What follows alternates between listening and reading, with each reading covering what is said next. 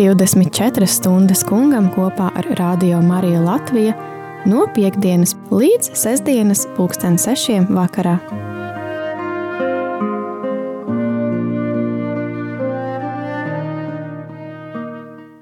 Slavēts Kristus rādio Marija Latvija klausītāji. Šodien ir 18. marts un Rādio Marija Latvija turpina lūkšanu akciju 24 stundas kungam, un šīs lūkšanas akcijas mērķis ir aicināt tevi, klausītāji, aiziet līdz uh, grēksūdzei. Patiesībā jebkuru cilvēku sagatavoties uh, grēksūdzei un uh, jā, doties pie kunga, un tādēļ šodien uz sarunu uh, šī rīta priestara kateheizē tā neierasti, sestdienas dienā es ir aicināts uz uh, sarunu priesteris Renārs Birkaus, un kurš arī pastāstīs par to, kā labāk sagatavoties uh, grēksūdzēji, kas ir tie akcenti, kas būtu jāievēro, lai arī grēksūdzes sniegtu kādu gandarījumu, un uh, lai tas nebūtu tikai tāds ķeksīcits. Uh, lai tas nebūtu tāds ķeksītis, es esmu to izdarījusi un viss, bet arī, lai šī grēku sūdze mums palīdzētu tuvoties Jēzum. Labrīt! labrīt, Aija, labrīt, dārgie rādījumi arī klausītāji. Un um, liels prieks būt šeit ar jums kopā šeit studijā, un arī jums, kas esat pie saviem radioaparātiem, lai runātu par grēku sūdzi grēksūdzi, kurā mēs uh, satiekamies īpašā veidā ar kungu, saņemot grēku piedošanu. Un zinām to, ka cilvēks jau no pasaules sākuma, kad krita grēkā, viņš pazaudēja šo draudzību ar Dievu. Un pazaudējot šo draudzību ar Dievu, viņš uh, arī bija tādā grēka stāvoklī. Un uh, pēc tam ar Jēzus atnākšanu cilvēkam ar at cilvēkiem atkal ir iespēja atjaunot šo draudzību ar Dievu, atjaunot šo vienotību ar Dievu, saņemt grēku piedošanu no paša Dieva. Un ja mēs raugāmies uz evaņģēliju, arī Jēzus ļoti runā par grēku piedošanu, kur daudz, daudz un dažādos veidos mēs redzam, ka Jēzus saka, tev tavi grēki tiek piedoti, piemēram, arī laulības pārkāpējais sievietei saka, ej un negrēko vairs, es tevi nepazudinu, uh, Daudz un dažādi šie piemēri, kur uh, Jēzus norāda, ka viņš ir gatavs aiz savas lielās mīlestības uz cilvēkiem dot jaunu iespēju. Kaut arī cilvēks ir bijis nepaklausīgs, ir pagriezis muguru dievam, bet saņemt šo jauno iespēju, šo grēku piedošanu, kas viņam dod jaunu dzīvi, dod viņa, viņa tošanos tādai svētlēmē, ko pats dievs ir apsolījis. Un uh, Arī šodien Jēzus dod mums grēku piedošanu, tad, kad mēs to no viņa lūdzam. Un īpašais tas veids, kā mēs to saņemam, ir caur gandarīšanas sakramentu, jeb caur grēksūdzi. Un uh, jau evaņģēlijā redzējām, kā Jēzus pirmkārt jau apustulim Pēterim teica, ko tu virs zemes sasaistīsi, tas arī virs zemes tiks sasaistīts, un ko tu atraisīsi virs zemes, tas arī debesīs būs atraisīts. Un eh, tāpat vēlāk arī pārējiem apstuļiem eh, Jēzus teica, kam jūs grēkus piedosiet, tiem tie tiks piedoti, kam jūs viņus aizturēsiet, tiem tie tiks aizturēti. Un redzam kādu lielu varu pār grēku piedošanu Dieva vārdā, Jēzus ir devis saviem mācekļiem, vēlāk apstuļiem. Un eh, šodien apstuļu šo darbu veids pāvests kopā ar bīskapiem, kur ir uh, šo apstuļu pēcteči, un arī priesteri, kur ir uh, vistuvākie bīskapu līdzstrādnieki vietējās baznīcās. Un bīskaps un priesteris ir tas, kurš arī turpina šo, teiksim tā, apustulisko pēctecību, šo apustuliski nodoto uzdevumu, ko Jēzus viņiem ir uzticējis, dot šo grēku piedošanu uh, Jēzus Kristus vārdā, ja patiesībā visas trīsvienības vārdā, jo, kad uh, cilvēks pienāk pie grēksūdzes, viņš saņem grēku piedošanu Dieva tēva un dēla un svētā gara vārdā. Un tas nav ne bīskaps, ne priesteris, kurš dod šo grēku piedošanu, bet tas ir pats Dievs, kurš caur savu kalpu, caur savu izvēlēto instrumentu, bīskapu vai priesteri, dod šo grēku piedošanu. Un eh, tāpēc arī baznīcā ir šie, šī institūcija, šī iestāde, ja šis iestādījums, ka bīskaps un priesteris ir vienīgie kalpotāji, kuri var dot šo grēku piedošanu.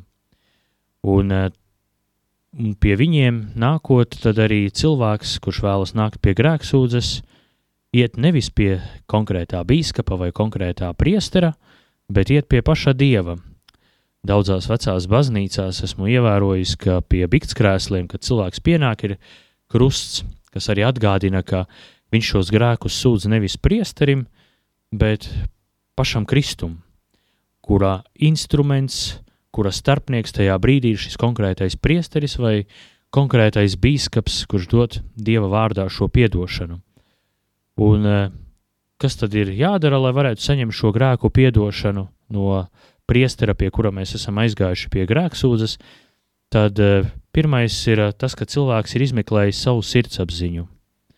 Ir apzinājies pirmkārt, kad viņš pēdējo reizi ir bijis pie grēksūdzes, un kopš pēdējās grēksūdzes, kas ir tie grēki, par kuriem viņš jūtas, par kuriem viņš sevi atzīst vainīgu, un uh, izmeklējot šādi sirdsapziņu, viņš dodas pie grēksūdzes, pienāk pie grēksūdzes, saka, sasveicinās ar priesteri, ar katolisko sveicienu, lai top slavēts Jēzus Kristus, un tad viņš turpina izstāstīt šos grēkus, un izstāstot visus šos grēkus, kurus atcerās, Un tad, kad beidzās grēki, kurus viņš atcerās, viņš saka, vairāk grēkus neatceros, un par šiem grēkiem nožēloju, un par šiem grēkiem nožēloju. Tas nozīmē to, ka šis cilvēks tiešām nožēlo.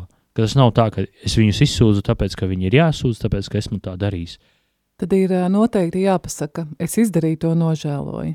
Jā, ka tas tiek nožēlots, un es apņemos laboties. Var sakot, nožēla un apņēmība laboties, tas ir tas, kas no grēksūdzes, šī cilvēka, kurš iet pie grēksūdzes, tiek no viņa prasīts. Tā ir tā viņa obligātā prasība, nožēla un apņēmība laboties. Un tad, kad uh, priesteris vai bīskaps, kurš tev grēksūdzi pieņem, viņš var arī dot kādu pamācību, kādu komentāru, un uh, pēc tam viņš uzliek gandarījumu, kādu lūkšanu vai kādu arī garā, garīgās dzīves tādu praktizējošu darbu vai kādu žēlsirdības darbu, un e, tad viņš arī dod grēku piedošanu ar īpašiem vārdiem, kur viņš dod šo grēku piedošanu Dieva tēva un dēla un svētā gara vārdā. Un par gandarījumu pašās beigās, kas mums ir tā, visbiežāk tā ir lūkšana, kas ir jāpalūdzas, kas ir e, pēc grēksūdzes kādā brīdī, tas, protams, ne, nu, neietekmē absolūti šīs grēku piedošanas derīgumu, jo grēki līdz ar uh, līdz ar šo piedošanu ir piedoti. Kaut arī vēl gandarījums nav palūgts, bet grēku piedošana jau ir saņemta. Bet gandarījums vairāk attiecas uz grēka sekām, uz to ļaunumu. Grēki var būt tik piedoti, bet ļaunuma sekas var palikt, un tāpēc ir vajadzīgs šis gandarījums. Bieži vien tādi grēki, ikdienišķi grēki, par kuriem šo grēku piedošanu priesteris eh, dod un uzliek gandarījumu tur palūkties, tur tēvs mūsu, vai sveicināta Marija, vai kādu citu lūkšanu, vai kādu svēto rakstu fragmentu, bet ir reizēm gadījumi, kad uh, var uzlikt gandarījumu kādu ļoti praktisku lietu, piemēram, kādam esi kaut ko nozadzis, paņēmis bez atļaujas, gandarījumā to var uzlikt kā, piemēram, uh, atlīdzināt šo zaudējumu, ko esmu izdarījis ar šo, nezinu, krāpniecību vai vai, vai svešas lietas paņemšanu, vai, piemēram, esmu kādu apmel, apmelojis, ja, nepatiesas ziņas par viņu stāstījis, tādējādi sabodā, sabojājis šī cilvēka reputāciju, visi tagad domā sliktu par to cilvēku, kas nav patiesība, un ja es to grāku nožēloju, apņemos laboties, tad priesteris arī var man uzlikt tādu lietu, kā atjaunot šī cilvēka slavu, aiziet pie tā tā vai tiem cilvēkiem, kuriem es sameloju par šiem cilvēku, izstāstīt, ka es toreiz sameloju, lai atjaunotu šī cilvēka labo slavu. Bet, kā jau minēju, lielākajā gadījumā tās, tā gan, tas gandarījums ir bieži vien kāda lūkšana vai kāda svēto rakstu fragments, un um, tas, kā saka, ir vairāk attiecas uz šī ļaunuma sekām, ko grēks ir izdarījis, jo mm, tas tā arī netaisnīgi būtu, ka, nu, saņemu grēku piedošanu, nu, kas bijis, bijis, it kā nekas nebūtu bijis. Nu, tomēr jārēķinās, ka arī ļaunumam ir savas sekas, kaut arī Dievs savā žēlsirdībā mums piedod, bet arī tas tāpat kā dēlī, kad iesit naglu. nu, tas grēks tā naglā, un tā, ka viņu vēl kārā, it kā tā ir tā grēku piedošana. Tas nozīmē to, ka nu, tā nagla ir izvilkta, bet caurums ir diemžēl palicis. Un tāpat arī ar grēku. Kā grēki viņi ir piedoti, sirdsapziņa ir attīrīta, bet tas ļaunums bieži vien arī palikt, ja tas ir attiecībā uz citiem cilvēkiem vai pret sevi. Tāpat arī gandarījums, lūkšana, tas ir tas veids, kā arī cīnīties arī pret šī ļaunuma sekām. Bet uh, tomēr, ko darīt tam uh, cilvēkam, kas uh, savā mūžā nav uh, bijis pie grēksūdas, ja? vai ilgu laiku nav bijis, un uh, viņu traucē tas, kad, kā viņu iedrošināt, jo viņu varbūt traucē tas, ka viņam ir jāiet un tie grēki jāizsūdz uh, priesterim cilvēkam, mm -hmm. ja? jo tas uh, arī prasa pazemību, aiziet un pateikt, eh, nu, praktiski to otram cilvēkam to saka, ja mēs kristieši zinām, mēs katoļi zinām, ka mēs ejam, ja, pie priesterā, un tad priesters Kristus personā, ja, atlaiž mums šos grēkus, bet kā iedrošināt? Ļoti labs jautājums. Ehm, cilvēki mēs esam ļoti dažādi. Ir daži, kuriem kaut arī viņš neiet pie grēksūdzes, bet viņam nav problēma aiziet pie grēksūdzes, bet viņš vienkārši nejūt tādu vajadzību, eh, vai arī ir tādi, kuriem daudz kautrīgāki, Protams, ir tādi, kuri ir ļoti kautrīgi un uh, viņi ļoti bieži arī praktizē šo grēku sūdzi, viņi pie tā ir pieraduši. Un, jā, mans tas iedrošinājums ir tas pats, pats vistradicionālākais, ka atcerēties to, ka Dievs dod grēku piedošanu caur savu baznīcu. Un uh, es domāju, ka ir tādi cilvēki, kuri var apliecināt, ka pēc grēksūdzes viņi ir saņēmuši tādu mieru, viņi ir attīrīti, viņi ir uh, saņem arī tādu stiprinājumu ticībā. Es domāju, ka tie, kuri bieži to praktizē, ja viņi saskarās ar tādiem, kuri to gandrīz vai nepraktizē, es domāju, ir vērts Jā, darīt. Kā iedrošināt? Ar, es domāju, ka viņus iedrošināt vislabākais veids, protams, ir uh, dalīties ar savu pozitīvo pieredzi par savu grēksūdzi.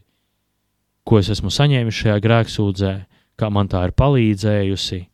Un, protams, tas nenozīmē, ka viņš tūlīt arī ies pie tās grēksūdzes, bet, uh, bet es uzskatu, tas ir ļoti vērtīgs uh, vērtīgs pamudinājums. Un tā kā mēs arī nevaram nevienu piespiest pie grēksūdzes, ja? nu, bet tādā ziņā, ja mēs būsim kādu mēģinājuši iedrošināt ar savu pozitīvo pieredzi, stāstot to prieku, ko esam saņēmuši, to izlīkšanas sajūtu, ja? jau mēs būsim izdarījuši to, ko varam. Ja? Nu, ja viņš tas cilvēks tomēr nepieņems lēmumu un ieiet pie grēksūdzes, tad nu, tur jau arī mēs neko nevaram neviens darīt. Bet, uh, tas arī nebūs mūsu atbildība, bet, bet ka mēs varam darīt to, kas ir mūsu spēkos, mūsu rokās, tad tas ir ļoti tāds, uh, tas ir svētīgs pienākums, ko mēs varam katrs izdarīt. Liecināt par savu pozitīvo, labo pieredzi, ko saņemam caur šo, caur šo lielisko tikšanās pieredzi, šo izlīkšanas pieredzi, caur šo dieva žēlsirdības pieredzi. Vai pirms grēksūds ir vajadzīga lūkšana? vai tu vienkārši ieej baznīcā un, un tu esi saņēmis drosmi, viss es iešu ne pa labi, ne pa kreisi, mm -hmm. un neviens cilvēks Jā. nav pie grēksūts krēsla, un tad es Jā. eju. To var darīt. Nav netiek prasīta nekāda lūkšana. Protams, ir vēlēšanās, tad pirms sirdsapziņas izmeklēšanas, varbūt, ja tie grēki vēl nav tā pārdomāti, nav tā izdomāti, tad lūk Dievam, lai Dievs atver prātu, atver acis, ieraudzīt to savu grēku un Un arī tāpat pirms pašas grēksūdzes, lūgties, kungs, palīdzi man vaļsirdīgi un cik, cik vien labi spēju izsūdzēt manus grēkus. Tādas ļoti vienkāršas lūkšanas, nu, bet nav noteikta tāda viena lūkšana, kur jābūt tik tā un tā, un ja tā nav izdarīta, tad tur tā grēksūdze nederīga un tā tālāk. Nē, tā nebūs.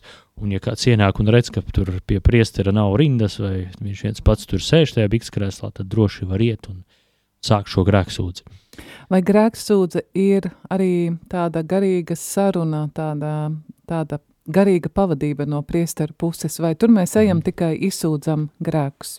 Ja mēs runājam par grēksūdzi kā tādu, tad, protams, tā ir tikai un vienīgi grēksūdze, jo garīgā pavadība tā jau ir cita lieta. Tas ir jau ārpus grēksūdzes, kur tie, kas garīgais vadītājs, priesteris ar kādu savu pavadāmo, un tā ir tāda plašāka saruna. Bet grēksūdzē, kā kā tautā teikts, par lietu. Tu atnāc vienkārši stāsti par saviem grēkiem. Un stāsti par saviem grēkiem, un centies arī, varbūt arī neiet detaļās, ja nu vienīgi tā detaļā nav kaut kas ļoti būtisks, lai, lai priesteris labāk saprastu to tavu situāciju un to grēku, bet uh, palielam pietiek tikai nosaukt šos grēkus, ko es izdarīju, vai cik reizes un tā. Varbūt reizēm ir cilvēkam, ka viņam liekas, ka vajadzētu nedaudz paskaidrot to situāciju, kādā tas radās, vai arī reizēm pats priesteris pajautā, nedaudz paskaidrot to situāciju, kādā tas izdevās. Varbūt tur nav grēks, varbūt tur tā, tāda vienkārši daudz, daudzām lietām vienkārši svarīgi redzēt to situācijas kontekstu, bet, eh, bet nu, pārsvarā lielākoties tie ir tikai un vienīgi jāstāsta grēki, un garīgā pavadība tomēr ir atsevišķi kaut kas no grēksūdzes priesteris tie, kas ar savu pavadāmo, ko, protams, arī grēksūdzē var palūgt priesterim, vai varētu es ar jums garīgo vadību, vai mēs varētu satikties un tā tālāk, un tad jau arī pēc tam vienojas, jo reizēm varbūt to priesteri nav izdevies satikt ārpus grēksūdzes. Mm -hmm. Tad, ja vai, ir laiks, jā. Ja pieņemsim pēc grēksūdzes, var viņam palūgt to, vai arī vienoties par kādu satikšanās reizi, daudz un dažādi varianti, bet jā, atbildot uz jautājumu, tad grēksūdze un garīgā vadība tās ir divas dažādas lietas.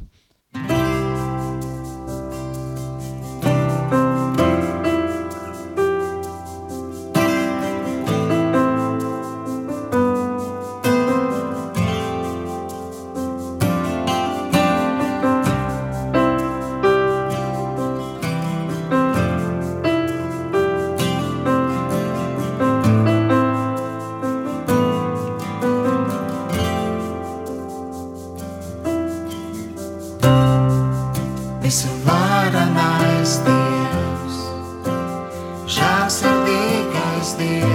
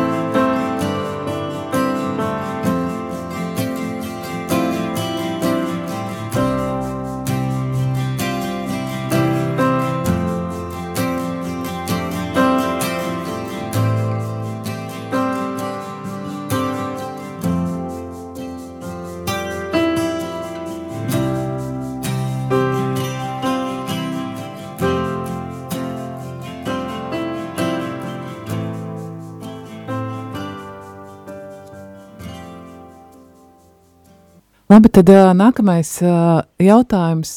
Kuri ir tie grēki, kas ir noteikti jāpasaka? Vai ir tāda grēku kategorija, tādi, kas ir noteikti, vai ir kādi, kurus var nu, noklusēt, tie tādi ikdienišķi ir? par grēkiem nu, runājot. Nevienam tas neinteresē. nē, par grēkiem runājot, pie grēksūdzes ir jāstāsta visi grēki, absolūti visi, ko tas cilvēks atcerās tajā brīdī, līdz kopš pēdējās grēksūdzes līdz šim grēksūdzes brīdim. Protams, ja ir ilgāks laiks bijis, ir kaut kādi grēki, kas aizmirstās, un tāpēc ir, ir, ir šī frāze vairāk grēkus neatceros par visiem šiem grēkiem lūdzu grēku piedošanu. Uh, var sakot, nedrīkst tik noklusēts uh, neviens grēks. Un, protams, ir, tādi, ir arī smagie grēki, kuri vienmēr ir jāizsūdz grēksūdzē, un kurus, un kurus visbiežāk, uh, visbiežāk arī cilvēki nu, neaizmirst. Jo, jo runājot par to, kas ir smags grēks un kas ir ikdienišķis grēks, tās ir divas grēku kategorijas, tad es izstāstīšu, kas ir šis smagais grēks.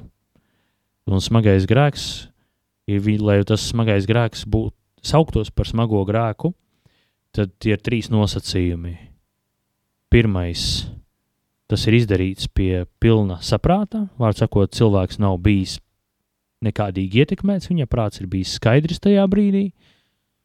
Um, tad uh, otrs nosacījums, cilvēks pats to ir gribējis izdarīt, ar tīšu ar mērķi to izdarīt. Un trešais, tā pati šī grēka būtība ir smaga. Un, ja runājam par šo trešo nosacījumu, par šo smago būtību, tie ir pirmkārt grēki pret cilvēka dzīvību, pret, jā, pret piekto bausli, pret sesto bausli, pret šķīstību, pret laulības pārkāpšanu, kas sevi ietver gan pornogrāfiju, gan pašapmierināšanos, gan visu, kas ar to saistās. Un, Un ja šie visi trīs nosacījumi sajiet vienā, tad uh, ir runa par smagu grēku. Un ja grēks ir bijis tāds, kurā nav kādu no šiem trim nosacījumiem, tad tas jau ir ikdienišķs grēks. Piemēram, tur kāds ir nogalinājis aizstāvoties vai bijis izmisuma stāvoklī, kad viņam uzbrūk. Nu, tur, tur patiesībā vispār par grēku ir, nevaram daudz runāt, jo tā nebija. Viņa prāts bija um, nebija skaidrs tajā brīdī, vai nebija skaidrs, viņš bija izmisuma brīdī, jo viņam pašam uzbruka. Viņš to negribēja izdarīt. Un, var sakot, tā matērija, protams, bija smaga, bet tādā ziņā, ka šim cilvēkam nebija, nebija mērķis to izdarīt.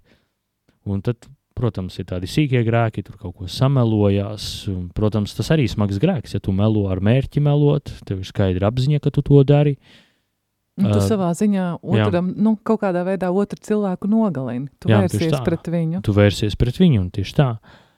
Nu, tad, ar, protams, ir daudz ikdienišķie grēki, kas netīšām sanāk, tur kaut kāds pats slinkums, nolaidība, kaut ko ne tā bija pateicis, varbūt aprunāšana. Nebija gribējis aprunāt, bet vienkārši kompānijā bija, bet, nu, kaut kā visas tās sarunas virzījās, ka tu aprunāji cilvēku vai nepatiesi par viņu runāji. Un, um, nu, daudz un dažādi šie daudz un dažādas šīs iespējas, bet par grēkiem, kas ir jāsaka pie grēksūdzes, tie ir visi, ko atceramies. Ko darīt, ja cilvēks uh, izsūdz grēku, bet uh, nu, viņā nav šī apņemšanās nu, uh, laboties? Prostam, nu, protams, no vienas puses priesteris to nevar izvērtēt, ja to mēs katrs nu, pats zinām, ja, kad mēs ejam pie grēksūdzes. Bet vai tajā brīdī uh, Dievs piedod? Lai saņemtu Dieva piedošanu, tomēr tas primārais, pats pamatnosacījums ir grēku nožēla, iekšēja tiešām, un vēlme neatgriezties pie šī grēka, mm, kā saka, vēlme laboties. Un ja nav šo divu lietu, vai nav vienas no šīm divām lietām, tad, tad tomēr tā grēku piedošana, kaut arī priesteris viņu iedod, viņa tomēr nav, nav, nav auglīga, nav derīga, kā mēs to tādā baznīcas kanoniskā valodā runājam. Un, e, protams, ir reizēm cilvēki ļoti atklāti. Viņš saka, nu, man īsti nav tādas grēku nožēlas. Es arī zinu, ka es nelabošos. Kaut arī gribētu, bet it kā zinu, ka nelabošos un tā tālāk. Tad nu, jā, kāda jēga man iet pie grēksuns? Un tam tā, tā absolūti nekādas nozīmes nav. Un tiešām novērtēju arī tos cilvēkus, kuri ir nākuši varbūt pie grēksūdzes un teikuši, ka zinu, ka man atkal tas pats būs un tā tālāk. Bet labi, tu zini, bet vai tu apņemies neatgriezties, darīt visu, kas tavās spēkos, lai tu pie tā neatgrieztos? Es, tad, tad, protams, var izdabūt šo grēku piedošanu patiešām, jo cilvēks viņu nožēlo to grēku, viņam ir apņēmība laboties un, un ka viņš apņemas to, ka viņš pie tā neatgriezīsies. Bet ja viņš nevar apņemties, ka viņš atgriezies mājās, pie tā paša grēka atkal neatgriezīsies, un, un tā tālāk, tad, nu, protams, priesteris viņam dod svētību varbūt, un viņu pamudina sakārtot tās lietas, lai nākošais, kad viņš nāk pie grēksūdzes, viņš, viņam būtu šī iespēja laboties. Vai, piemēram, nu, tā ir tradicionālā situācija, piemēram, pāri, kuri dzīvo nu, tādās ārpus laulības attiecībās, vai vēl nav laulājušies, vai, vai tomēr ir bijusi kāda cita, citu iemeslu dēļ, viņi nevar salolāties, bet dzīvo kopā puisis ar meiteni vai vīrietis ar sievieti, uh, Un, eh, nu, viņš to grēku grib nožēlot, bet viņš, viņš saka, es ne, nu, neko nedarīšu, lai pie šīs situācijas neatgriezt, neatgrieztos, jo zinu, ka šodien pat pēc grēksūdzes atgriezīšos mājās, un situācija būs tāda, kāda viņa būs, līdz ar to grēku nožēla viņam ir, bet, bet viņš, viņš nav gatavs izdarīt kaut kādu lēmumu, lai neatgrieztos pie šīs situācijas. Un tāpēc tā ir ļoti, ļoti smalka un ļoti sarežģīta lieta, Un, protams, priesteris jau viņu tur nekad nelamā, bet priesteris viņam, viņu pamāca, viņu pamudina varbūt noregulēt, ja, ja noregulēt vai uzlabot šo situāciju vai mainīt, mainīt šo situāciju, lai viņš tomēr varētu saņemt grēku piedošanu. Protams, tas katrs gadījums ir savādāks, bet grēku nožēla un apņēmība laboties, tas ir pamatnosacījums, lai varētu saņemt šo, šo grēku piedošanu. Un tad uh, nu varbūt vēlreiz uh, atgādināt klausītājiem, kas tad ir grēksūdzes būtība? Kāpēc tad mēs ejam pie grēksūdzes? Mm. Grēksūdzes būtība pirmkārt tā ir Dieva žālsirdība, kuru Dievs mums pats dāvā, jo viņš grib mums dāvāt šo jauno dzīvi, kuru cilvēks pats grēkojot ir pazaudējis, atjaunot šo draudzību ar Dievu. Tā ir, es domāju, tā pati būtība, jo ja nebūtu Dieva žālsirdības, nebūtu Dieva mīlestības, tad arī nebūtu vajadzīga šī grēksūdze, un tad tādas arī iespējams nebūtu. Uh, bet Dievs pats ir bijis kā šis iniciators, pirmsākums šai grēksūdzēšai, savai lielai žēlsirdībai, ko viņš, ko viņš dāvā. Un tāpēc arī tā ir tā pati pirmā lieta, un tad otrā lieta - cilvēks pats grib saņemt šo Dieva žēlsirdību, grib novērsties no tiem grēkiem, ko viņš ir izdarījis, var sakot, viņam ir grēku nožēla un visa apņēmība laboties, un tā ir viņa sirdī, un tad trešā viņš ir bijis pie, pie, pie bīskapa vai priestera uz grēksūdzi, lai saņemtu šo grēku piedošanu, un tad viņš vēlāk arī izpildīs šo gandarījumu, ko viņam ir, kas viņam ir uzlikts, kas ir jau pēc tam, bet pirmās ir šīs trīs lietas pamatnosacījumi, ka tā pirmkārt tā ir Dieva žālsirdība, tas ir pats būtiskais, bez kuras nebūtu visa šitā, uh, otrs tā ir mūsu pašu nožēla un apņēmība laboties, un treškārt mēs esam bijuši pie, pie bīskapa vai priestera uz grēksūdzi, kurš ir šis Jēzus apustuļu darba turpinātājs e, baznīcā. Tad, tās, tad tā ir iespēja atjaunot nu, savas attiecības ar Dievu, ar Jēzu, un ka tu Jā, no brīvas gribas, ka tu, ka tu gribi mainīties. Tieši tā, mainīties un saņemt šo pārdebisko žēlstību, ko Dievs mums dod kā gūt prieku no grēksūdzes, kā jā, tiešām pārvarēt tās bailes un kā, kā gūt prieku no tā. Nu, viena mēs runājam, ir šī te uh, apkārtējo Prieks cilvēku liecība. Ļoti skaista, ļoti skaista dieva dāvana, un uh, man ļoti nāk prātā viena, viens, viena liecība, ko es dzirdēju no Josefa Bastēna, no viena misionāra, kurš uh, stāstīja, salīdzināja grēksūdzi ar pazudušā dēla pārnākšanu. Zinām to līdzību par pazudušo dēlu, kurš tur bija atnācis, kurš bija aizgājis no tēva mājas, tur visur bija naudu iztērējis, un saprata, ka viņš ir izdarījis nepareizi, saprata, ka viņš ir pilnīgā nekamā, tad viņš griezās atpakaļ pie, pie sava tēva. Un ko tēvs izdarīja? Nevis viņu tur norāja vai salamāja, bet tēvs viņu priecīgi uzņēma, uztaisīja svētkus, nokāva barotu teļu un tā tālāk. Un ka svētki ir tāpēc, ka tas cilvēks, tas dēls, kurš bija pazudis, ir atradies. Viņš tomēr ir sapratis to pareizo, un, eh, un viņš ir atgriezies atpakaļ uz pareizā ceļa. Un tāpat ir arī grēksūdze, ir svētki. Un tieši Žozefs to arī teica, ka tie ir svētki, jo tā ir tāpat, kad grēcinieks iet pie grēksūdzes krēsla, viņš ir kā šis pazudušais dēls, kas atnāk pie sava tēva uz mājām. Un tēvs viņam uztaisa svētkus. Un tas tēvs ir debesu tēvs, kurš caur grēku piedošanu viņam uztaisa svētkus, jo šim grēciniekam ir sākusies jauna dzīve. Un, kā jau iepriekš mēs runājām, ka iedrošināt ļoti labi var arī tādu praktizējušu ticīgu laba liecība par grēksūdzi, tad arī domāju par to grēku piedošanas. Nevienmēr ir tās patīkamās sajūtas, nevienmēr ir tas pacilātais Jā, noskaņums. es tieši par to domāju, jā, bet, kad jūs uh, stāstāt. Bet domāt par to jau savā, savā prātā, to... nu, biju pie grēksūdes, nu biju, biju. jā. bet varbūt, es domāju, arī praktizējošiem cilvēkiem, kur ļoti to praktizē, arī ir vērts reizēm atcerēties, ka katra grēksūdze ir svētki. Pazudušais dēls atnāk mājās un, un tēvs viņam sarīko svētkus. Un es domāju, ar šo noskaņu gan praktizējuši, praktizējuši tie, kur iet regulāri pie grēksūdzes, gan arī tādi, kuri nav bijuši un mēģina saņemties. Es domāju, arī šis ir viens no iemesliem gūt prieku no šīs grēksūdzes, ka tie būs svētki jums, ko debesu tēvs jums sarīkos pēc tam, kad jūs būsiet bijuši pie grēksūdzes. ja, bet uh, tomēr, mm, ko uh, pateikt tiem cilvēkiem, um, kuri uh, Kaut vai šīs akcijas laikā, ja viņi aizies uz baznīcu, tur, kur baznīcas būs atvērtas, ja būs izstādīts visvētākais sakraments, viņi aizies un tomēr nu, nepies pie tās grēksūdzes, jo varbūt uzskatīs, nu, nu man to nevajag. Es uh, Dievam pasaku privāti. Ja? Es pasaku, Dievs piedod man, es esmu to pārkāpusi, to pārkāpusi, tādu bausli, ja? Uh, nu, tomēr. Mm -hmm.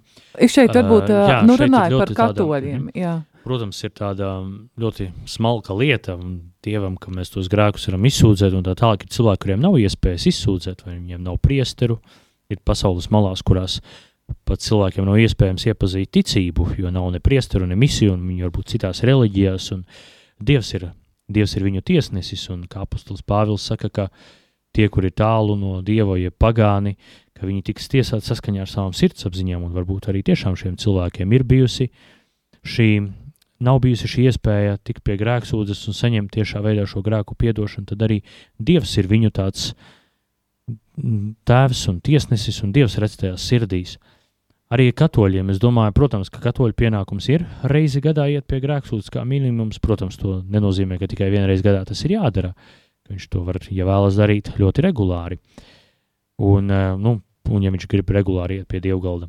Bet katoļa pienākums, visu katoļu pienākums vismaz reizi gadā ir iet pie grēksūdzes, jo viņš tomēr ir saņēmis šo labo vēsti no dieva, caur baznīcas sludināšanu, saņēmis arī sakramentus, un ka viņa pienākums ir būt vienotībā ar baznīcu, iet pie savas baznīcas priesteriem, lūgt šo grēku piedošanu. Jo Jēzus, kā jau sākumā teicu, ka deva saviem apstuļiem šo šo varu, kam jūs grēkus piedosiet, tiem tiks, tiks piedoti, un kam aizturēsiet, tiem tie tiks aizturēti, kas tiek tāds skaidrs norādījums, ka šī grēku piedošana cilvēkiem nāk caur šo apustulisko, apustulisko svētību, apustulisko varu, ko Jēzus nodeva saviem mācekļiem, ko šodien baznīcā turpina bīskapi un priesteri caur grēksūzi, ja? Un eh, tāpēc arī katoļa tas pienākums ir nākt pie kunga un izlīgt ar viņu. Uh, caur, caur baznīcas kalpotājiem, bīskapiem un priesteriem, un arī apustulis Jēkabs savā vēstulē bija teicis, iz, izsūdziet cit citam savus grēkus. Tas arī ir tādā, tāds norādījums, kā doties pie, pie baznīcas un izstāstīt šos grēkus. Un es arī domāju, ka tas, var, tas gan nav tā tīri baznīca to tā nemāca, bet arī tas ir kā atskaites punkts šī grēksūdze. Varbūt tagad noejot malā nu, nedaudz no tā mm -hmm. pārdabiskā, ko mēs saņemam caur grēksūdzi, un no tā pienākuma, ko mums baznīca uzniek caur šo grēksūdzi, arī es domāju tā praktiski, cilvēkam tāds labs atskaites punkts šī grēksūdze ir, kā šī grēksūdze, kurā es esmu saņēmis šo grēku piedošanu tiešā veidā, ka tā ir man tāds arī labs pamudinājums neatgriezties pie šī grēka, labs pamudinājums sākt celties jaunu dzīvi, iet šo jauno dzīvi, sākot pieceļoties no šīs grēksūdzes, aizejot. Un, eh, un es domāju, tas arī tāds um, tāds labs pamudinājums nepalikt tikai tā, ka es tur savā istabā lūdzu Dievam grēku piedošanu, kas arī nav slikti, bet, bet ar to nepietiek, ar to nepietiek, ka tomēr ir vajadzība piecelties, tāpat kā tam pazudušajam dēlam no savas istabas, no sava grēka un aiziet pie debesu tēva, baznīcā pie priestera un uh, atjaunoties, saņemt šo īpašo žēlastību, ko saņemt caur grēku piedošanu, ko, ar, ko nevarētu saņemt paliekot istabā un lūdzot Dievam piedošanu. To var saņemt tikai un vienīgi caur, caur šo grēku piedošanu, ko Dievs dod caur priestera kalpojumu. Tad varbūt um, mēs varam tagad atkārtot tos uh, nu, soļus. Ja varbūt ir kāds klausītājs, kas tagad nu, ir ieslēdzis radio Marija nu, uh, Latviju un sāc klausīties, tad pirmais ir uh, aiziet un īsa lūkšana, ja? īsi palūkties. Īsi palūkties pirms sirdsapziņas izmeklēšanas. Un, protams, sirdsapziņas izmeklēšana nav obligāti jāveic baznīcā, to var darīt arī jau mājās, un vēl jo labāk, ja viņš to izdara mājās, mierīgi savos apstākļos. Var arī uz lapas uzrakstīt. Var arī uz lapas uzrakstīt tieši tā, uzrakstīt grēkus, pirmkārt atcerēties, kas ir bijusi mana pēdējā grēksūdze, un kopš manas pēdējās grēksūdzes, cik ilgs laiks ir panācis, pagājis, un kopš tās pēdējās grēksūdzes, eh, kas ir bijuši šie mani grēki.